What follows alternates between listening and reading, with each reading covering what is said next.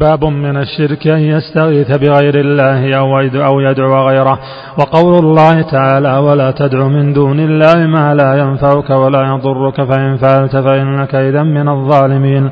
وإن يمسسك الله بضر فلا كاشف له إلا هو. وإن يردك بخير فلا راد لفضله يصيب به من يشاء من عباده وهو الغفور الرحيم.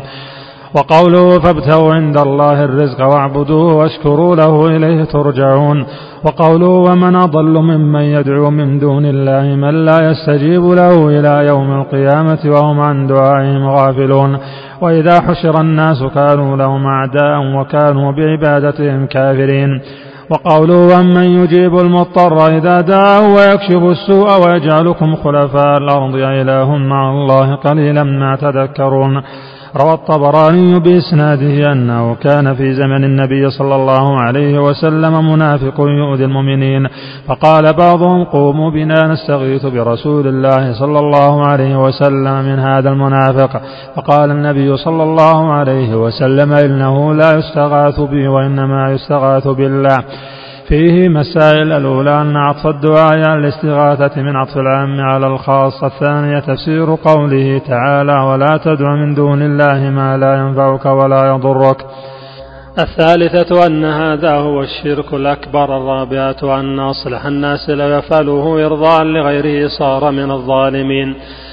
الخامسة تفسير الآية التي بعدها السادسة كون ذلك لا ينفع في الدنيا مع كونه كفرا. السابعة تفسير الآية الثالثة.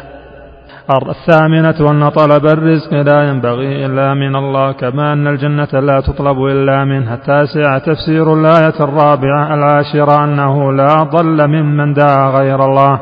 الحادية عشر أنه غافل عن دعاء الداعي لا يدري عنها. الثانية عشر أن تلك الدعوة سبب لبغض المدعو للداعي وعداوته له.